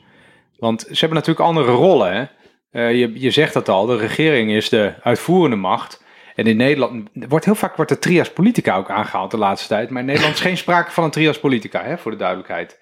De regering is zowel de uitvoerende als de wetgevende macht. De Kamer en heeft ook wetgevende taken. En de, de Kamer, Kamer- doet eigenlijk vrij weinig aan wetgeving. Nee, de Kamer- Dat zijn feit- heel, vergeten. heel beperkt. Feit, heel nou ja, zij is, dat is ook Je helemaal weet, het is een feest als een Kamerlid een, een, een Initiatiefwet heeft. Ja. Dat is al gewoon ongelooflijk. Zeg maar. Dat is een beetje hoe het werkt. Hè? Ja, dan krijg je dat een medaille en de een Tweede en Eerste. Kamer. Dat, is, dat gebeurt gewoon bijna niet. En dat is Ja. ook terecht. En dat, de Kamer is ook gewoon niet geëquipeerd om wetten te schrijven. En het is ook vreemd, eh, aangezien je departementen en ministers hebt die daar, de ministers die daar door de Kamer zijn neergezet om wetgeving te maken. Dus het is raar dat je het vervolgens zelf zou doen. Dus in de praktijk eh, hebben ze andere rollen. Oké, maar eh, beide Nou ja. kanten versterken, gaan die elkaar niet bezighouden? Nou, je hoeft, je hoeft natuurlijk niet, misschien, ik weet niet hoe je dat kan regelen, maar je kan het in ieder geval tegen elkaar zeggen in een regeerakkoord. We gaan niet meer doen, we gaan het beter doen. Lekker advies. Ja, Nou, maar eh, wat Wouter eh, aangeeft is natuurlijk wel een reëel risico. Eh, nog meer kamervragen. zeker. Eh, maar het, dat is een, ehm, hoe noem dat? Het is een heel aanvaardbaar risico, omdat het nu gewoon zo is dat er te weinig tegenmacht is. En dat is, dat is gewoon, dat mag niet. dus dat, er, dat je in ieder geval de tegenmacht versterkt, eh, daar ben ik, het heel erg, eh, ben ik heel erg voor. Volgens mij is er brede overeenstemming. Dat, dat, is, dat moet je sowieso doen. Eh, en daarna moet je maar even kijken waar dat op uit eh, loopt. Maar nu al zeggen, ja, nou ja, het risico is dat we, dat we elkaar gek gaan maken. Dat vind ik een beetje... ik Ik denk, ik- geen ik, goeie. Ik, denk eigenlijk dat, dat maar dat is, ja, wie gelijk heeft, de tijd zal het leren. Nee, het is meer een, een, een zorg die ik heb. Dat, eh, eh, ja, ik maak me zo dat, dat, dat gebrek aan tijd en kwaliteit maak ik me sowieso heel veel zorgen over. Ehm, maar, maar, en als je dit zonder stevig plan doet en zonder dat je echt weet waar je mee bezig ja, bent, ja. zou het wel eens hierop kunnen uitlopen. Maar is het niet, is- ja, eens hoor, maar is het niet aannemelijk dat een instituut dat meer, hopelijk meer kwaliteit gaat krijgen, juist minder troep gaat afscheiden? In plaats van meer? Ja, dat hoop ik. Ja, Of juist dat, misschien blijft de troep er altijd. Misschien komt er dan ook nog een keer meer kwaliteit bij. dat is heel, heel meta. Dat is ook- heel meta. Hebben wij nog andere adviezen eigenlijk? eh? ik had trouwens voor mezelf ook opgeschreven dat dingen eenvoudiger moeten. Nou, ik kwam je- daar- de, de, hoe heet- wat, had- wat hadden we net bedacht? De, de commissie complex, complexiteitsreductie? Nee, maar dat, dat is een als... taskforce, uh, Maar complexiteitsreductie, dat openbaar voorstel je in als je wil dat er echt niks gebeurt. Oké, dus wat, wat, wat- de werkgroep is dat dan? Nee, maar weet de je, commissie? je kan... Dat, dat, dat is al Een zo vaak... commissie, een Dat is al zo een- vaak geprobeerd. Eh, je moet wel met iets beters komen, want anders ga je blijkbaar gewoon tegen dezelfde ding. Gewoon ergens op een muur schrijven van één regel erbij is twee regels eraf. Dat gaat het niet, eh, dat gaat het niet regelen, ben ik bang. Nee, omdat Hoe je het dan eigenlijk ook niet echt wil doen. Ehm, het- kijk, er zitten, het, het is heel. eh, kijk, eh, uitwassen van een systeem aanpakken is makkelijk. Een systeem aanpassen is heel moeilijk. En Ja. als, als je in dat Algemene Rekenkamerrapport leest dat wij in Nederland iets van 119 fiscale regelingen hebben, waar bijna 50% a- van onze totale belastinginkomsten in regelingen op een manier of in subsidies of in kwijtscheldingen eh, eh, georganiseerd worden, dan is dat ontzettend complex. Mhm. Gewoon het hele Ja. eh, fiscale stelsel. Wat, wat allemaal ondernemers mogen aftrekken, kwijtschelden en dat soort zaken. Ehm, en complexiteitsreductie zit er heel veel in dat de complexiteit van de overheid niet het probleem van de maatschappij moet zijn, maar haar eigen probleem zou moeten zijn. Dus dat je gaat kijken naar, oké, hoe ga je werken aan een simpeler, of nee, eigenlijk nee, simpelheid als waarde op zich. Ja, maar dus hoe, hoe dan? toegankelijkheid en simpelheid. Iedereen, iedereen wil dit. Nou, gewoon, eh, nou ja, ik ken mijn domein. Ik werk in, in de, de informatisering en informatiestromen van de overheid. Eh, ga jij maar stellen hoeveel websites en domeinen de overheid heeft. Is dat nou echt wat overheidsbeleid Dat, nee, maar, nee, ik, ik geef een voorbeeld. Eh, Ga jij maar eens kijken, als je als ondernemer bent, op welke regelingen je allemaal recht hebt. Ik denk dat je, als, als je, je daar, daar heb je bureaus die me- ondernemers helpen om hun weg te vinden daarin. Ja. Je hebt als je eh, een, gezin bent met comple- een complexe situatie met veel eh, aanspraak op sociale regelingen, heb je bureaus die mensen helpen om de weg te vinden in het woud Nou, van regelingen. Dus mijn punt is dat je, je, je moet je erop richten om de complexiteit van die overheid waar mensen in verschillende hoedanigheden mee te maken krijgen, als ondernemer, als Wist je burger, dat, als- dat, zeg maar de, de, dat, dat, dat ooit een keer gebeurd is, ook onder Balken en de, eh, vier. En dat, je hebt nu natuurlijk dat je... Ik, ik wilde hem nog thuis brengen, maar... Oh, sorry. Nee, ik, sorry. Ik vind het gewoon grappig. Dat eh weten misschien mensen niet. Dat je hebt nu gewoon de, de Rijksoverheid.nl website. Hè? Vanaf daar kan je dan door naar alle ministeriële websites. Dat eens opgevallen? Dus je hebt in Ja, ik werk geen... niet eh, Oké, vriend. maar dus, dus oké, jij hebt jou is opgevallen, ik weet niet of Randy ooit is opgevallen, dat het dus ook een keer zo'n slag is geweest van, hé, hey, misschien moet niet elke, elke Oh, ministerie een eigen schrijven website over- hebben, want dat is veel te veel informatie. We bundelen ze op één plek en dan kan je vanaf daar doorgelinkt worden en zo. Zoiets voel ik nu ook weer aankomen als ik jou Ja, zo dat is hoor. Je moet, je moet eens iemand vragen om een boek te schrijven over de, de Haagse strijd over het Rijkslogo. ja, Dus ja, dat ja. ene logo, daar is Dat heeft zo'n tonnen tien gekost, jaar ik, strijd over Ja. geweest tussen alle departementen. En dat, dat is echt, de, de, wat daar in de achterkamertjes aan gevechten is gevoerd over ministeries vonden dat ze hun eigen herkenbaarheid verloren als ze Ja, niet meer ja, hun eigen logo. Maar dat heb je dus ook. Wie, eh, eh, een stelling van mij: wie heeft er behoefte aan alle uitvoeringsorganisaties die een andere verschijningsvorm hebben, andere minuutjes, structuren? eh, ik wil gewoon wil alleen maar brieven binnenkrijgen van rijksoverheid.nl. gewoon de rest moet kappen. Dat is eigenlijk wat je zegt dan, toch? Ik zit even proberen te bedenken. Nee, nee, ik, ik Dus zeg niet per se hoe het moet. Ik zeg dat mensen recht hebben op een overheid die ze begrijpen. That's it. En de- waar ik Ja. hem naar thuis wil brengen is, hoe ga je dat doen? Dat is door, volgens mij, actieonderzoek. Dus dat de mensen die in de Haagse bubbel werken, leven, doen... en die de complexiteit snappen van departementale verantwoordelijkheid... en dat soort onzin...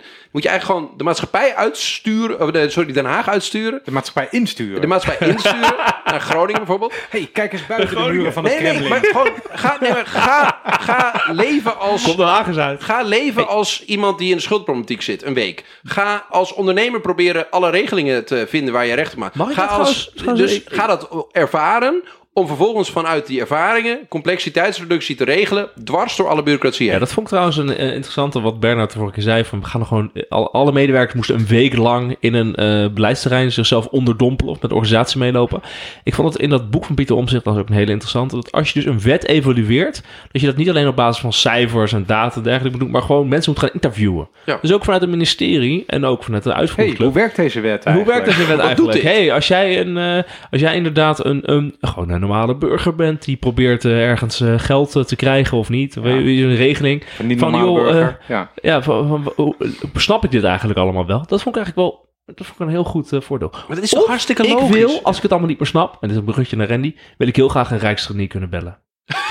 ik Oh, wil ja. een rijkstrainier kunnen bellen die je kan zeggen, weet je, je komt, er, je komt net van de universiteit af, Of een, dit is wat, je zei, eerste wat, baan. wat werd er nog meer gezegd? Ik Nou, wil een jou kunnen bellen, dat- want ik snap het allemaal niet meer. Kan je mij helpen? Dit is Nu- heel lang tot stip. Randy het over Nu leg je hem even op de stip inderdaad. Dank daarvoor.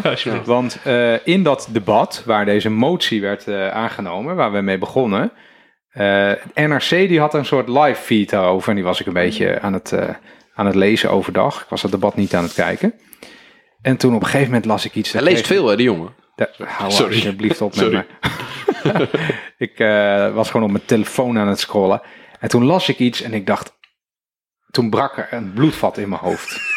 toen ik dat las. Namelijk... ehm, Rutte had bij, eh, eerst bij Nieuwsuur gezeten. En die had daar gezegd... Ja, er moet een club komen tussen de overheid en de burger in... die dan eh, opkomt voor de burger. En toen had de, de, de nationale ombudsman had gezegd van... Hallo, hallo, wij bestaan al hoor. Ja, en in 2017 heb ik een heel groot rapport uitgebracht Ja, ja, ja. over de kinderopvangtoeslag. Maar Niks toen, mee gedaan. toen in dat, in dat eh, Kamerdebat eh, gaf Rutte uitleg wat hij dan wel bedoelde. En dat bleek te zijn, en dat titeltje, het titeltje is al, maakt alles al duidelijk. Rutte wil rijkstrainees inzetten als menselijk gezicht vanuit de overheid. En eh, ik ben ooit begonnen als rijkstrainee. En dan weet je, dan weet je in één oogopslag, weet je dat dit, eh, hoe zeg je dat? Ik wil het ook, res, ik wil het ook, hoe zeg je dat? Op een respectabele manier zeggen. Dat wil je helemaal niet. Maar, maar dit is een ongelooflijk dom idee. Oh, ja. Ja, Ja, ik dacht ook inderdaad van toen ik echt dat op het belachelijke af. Ja, echt belachelijk. Ik Ja. dacht ook toen ik dat las, dacht ik van, nou ja, Dat slaat echt nergens op. de- deze, de- waar- waar- de- je bent wel echt de voeling kwijt met blijkbaar dus even ook je ambtenarenapparaat, als je denkt dat dit een idee is, dan heb je nog nooit Ja. de Rijksgenie gesproken. Dat is toch, dat is ook, waar jullie die, die jongens en meisjes me op? Hè? Ik zeg Ik zal het wel even voor dan de ben je mensen... Dus, dan ik word je dus het de gebeld door totaal kapot gemaakte burgers, die dus zeggen, ik ben, ik, maar ik je ga gaat- dood door je de gaat- overheid. je gaat kan je me helpen? En dan ben je, dan kom je net van de universiteit. En, Je gaat veel te snel. Je gaat veel te snel. We moeten dit keurig introduceren. Want dit is een heel serieus plan. Wat door de minister-president zelf is gebracht als voornaamste instrument om de eh, overheid weer te herstellen. Zal ik daarna mijn punt over tijd en Ja. kwaliteit herhalen? Eerst hier staat: Het gaat niet om een tweede ombudsman. Dit schrijft NRC. Het gaat niet om een tweede ombudsman, verzekert Rutte, maar om een bureau waar rijkstrainees werken. Dat zijn jonge, hoogopgeleide mensen die een opleidingsprogramma bij de overheid volgen. Burgers die vastlopen in hun contact met een uitvoeringsorganisatie kunnen het bureau opbellen. Als er gebeld wordt, is de eerste vraag: Heb je het zelf al geprobeerd? Als het antwoord nee is, moet je het eerst zelf proberen.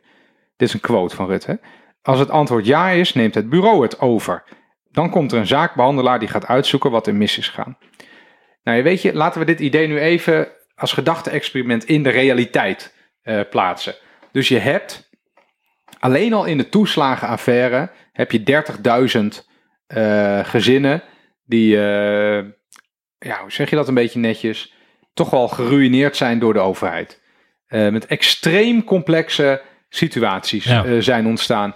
En dan maak je een bureau met rijkstrainees, dat zijn er 100 per jaar, geloof ik.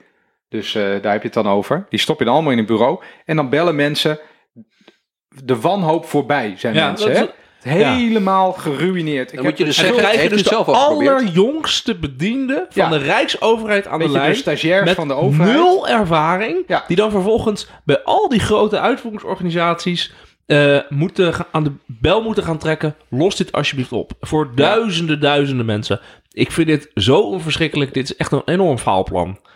Dat is ongelooflijk. Dat je bedoelt, Dit Ja, is dit juist iets. echt- want het, is ook op. dat je dus zegt van. Op het moment dat mensen echt in de shit zitten. Als burgers kapot gaan door de overheid. Dan mogen ze dus met, met, met, de, met de nieuw aangenomen trainees bellen. Weet je, dan moet je juist met hele ervaren goede mensen bellen. En, La- laat ik, ik, Ja, ik zie nou er wel wat positiefs in. Ehm, eh, ik heb eh, dat weten jullie wel. Ik heb een tijd lang gewerkt voor een eh, website, mijnoverheid.nl. En dan ging ik ook eens per maand ging ik bij het callcenter zitten.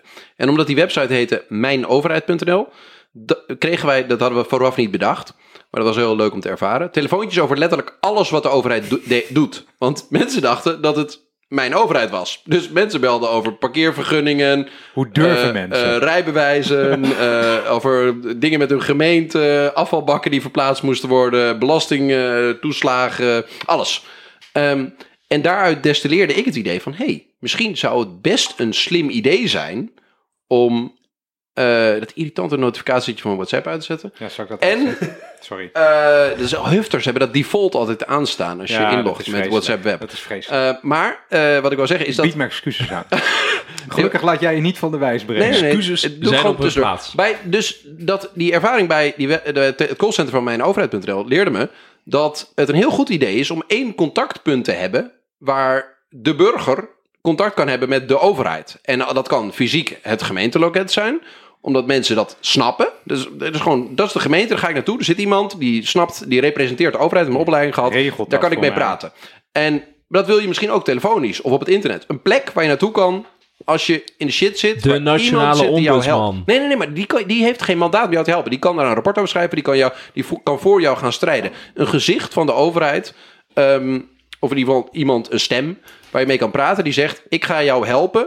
Ik snap het woud van regelingen. Ik ga het voor jou fixen. Maar wat het afdoet, is dat je zegt... Ik neem mensen die hier net werken, die het vak nog moeten leren. Ja, eigenlijk zou de minister-president moeten zetten. Weet je wat? is een ik zeg idee. al tien jaar dat ik op een school op de, in de Schilderswijk eh, les aan het geven ben op vrijdag. Weet je wat ik ga doen? Ik ga ook elke week Ga aan de telefoon zitten. aan de telefoon zitten en zorgen dat het opgelost wordt. Dan neem je dit serieus. En ik neem plaats alleen maar te ministers zeggen, aan die dat Weet je wat? doen. Ik geef het aan rechtsgenies. Mhm.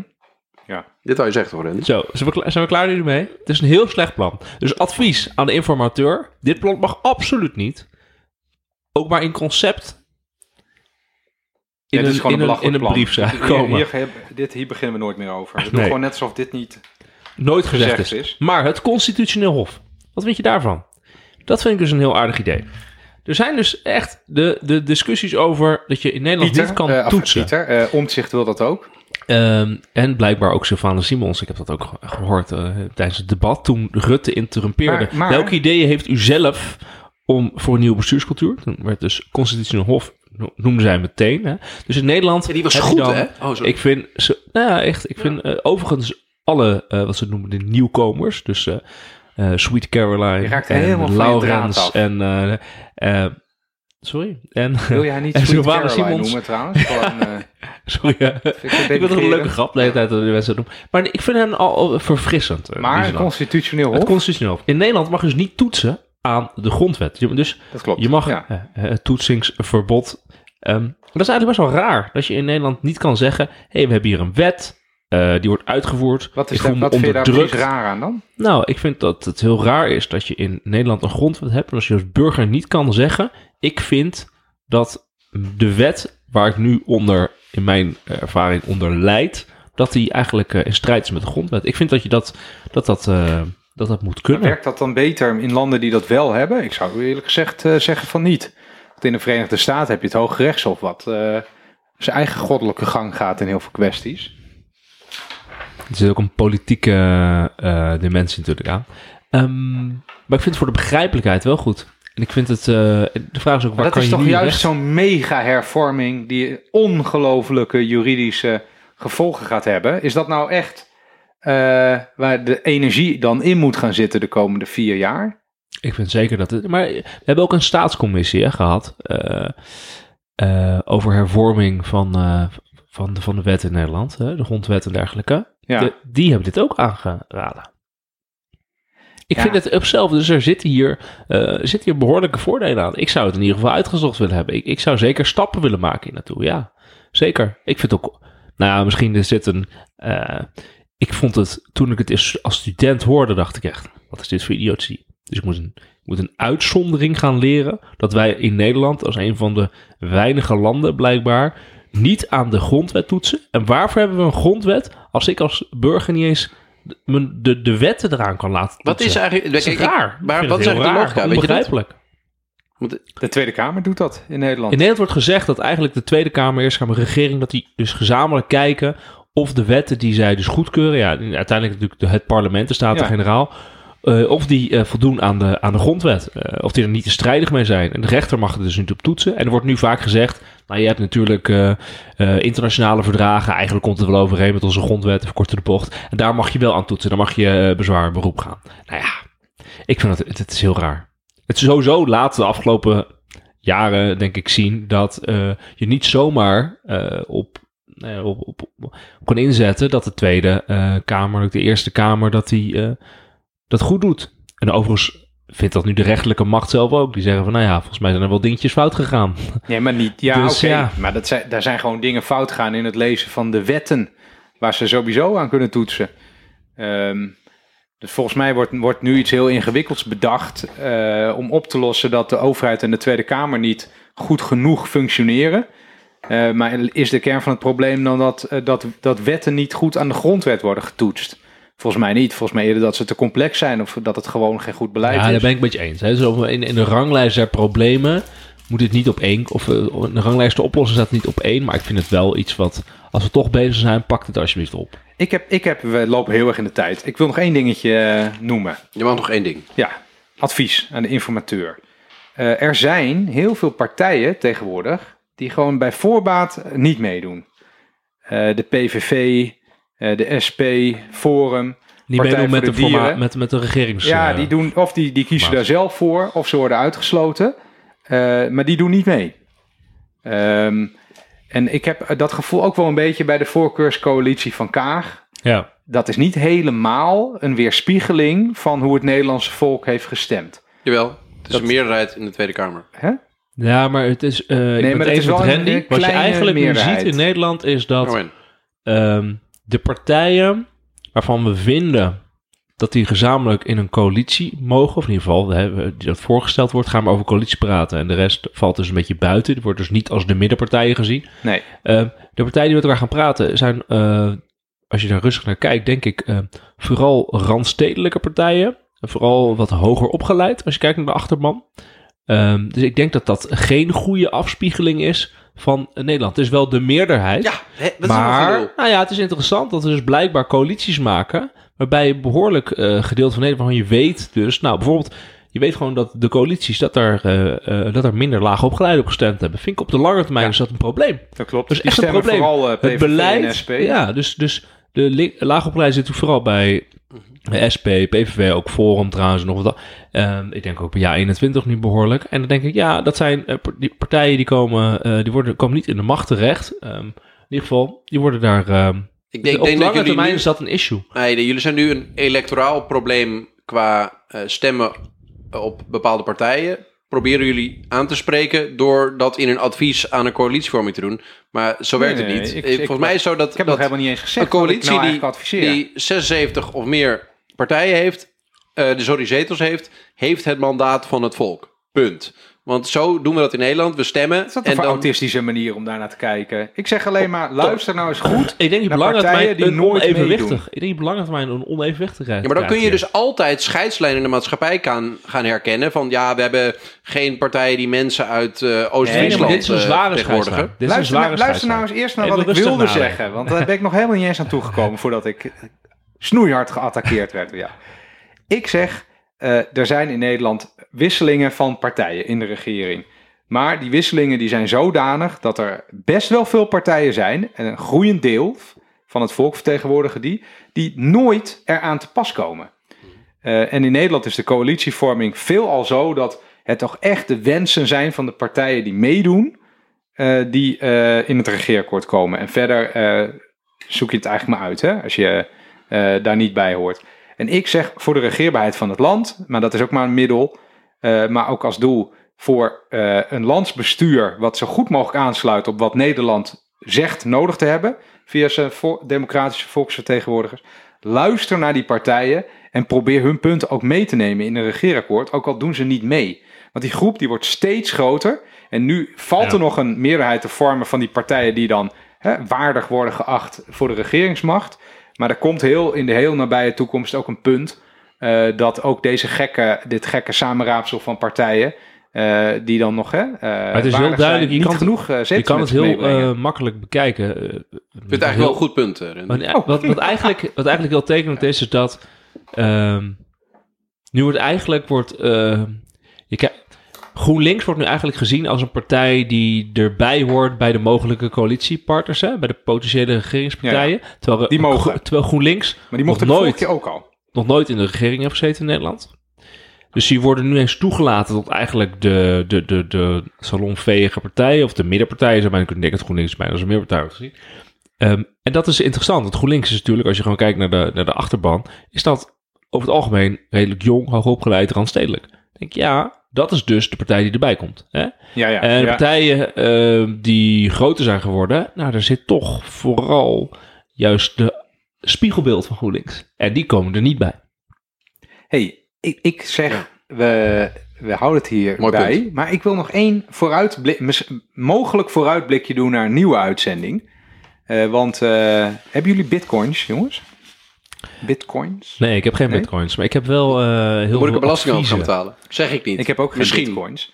Eh, maar wat ik, Nee, ik, dus heb, wel- ik heb wel cryptocurrencies, ja. Oh, je hebt wel cryptocurrency. Nou, dan, dan ga ik jou iets vertellen wat jij al weet.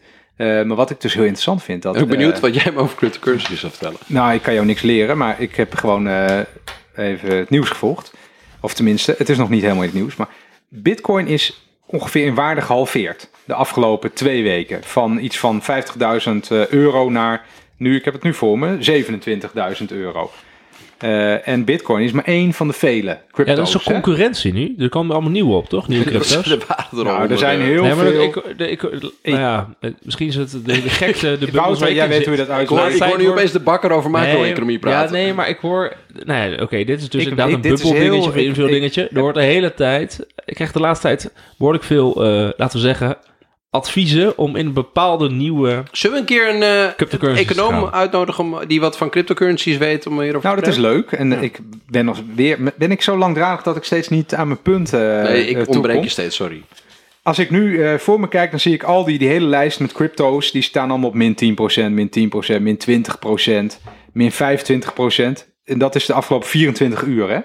Eh, en dan kan je zeggen, who cares. Eh, maar de totale marktkapitalisatie van Bitcoin nu, dus hoeveel geld zit er in Bitcoin, is eh 511 miljard eh, euro. Eh, en dat is gehalveerd in de afgelopen eh, twee weken ongeveer. Ik heb dat niet helemaal, maar als ik gewoon naar die grafiek kijk, is ongeveer twee weken. Eh, al die crypto's bij elkaar die hier staan, die hebben denk ik met z'n allen nu marktkapitalisatie van 1000 miljard euro. Dat is gewoon, er is gewoon iets van 1000 miljard euro op deze beurzen eh, eh, verdampt. Is de In waarde twee van weken dingen, tijd. het is geen geld. Maar ja, oké, in die zin dat is waar, ja. Dus het advies aan een informateur is... Nee, dat heeft, staat er helemaal los van. ik denk, wat, dit, is een financiële, kijken. Ik denk, waar gaat dit heen? dit is een financiële crisis Hij van formaat. thuis. Dit is, dit een bubbel, dit is een bubbel. Ja, dit is een eh, keiharde 100%. bubbel. Ja, hallo. Ja, ja.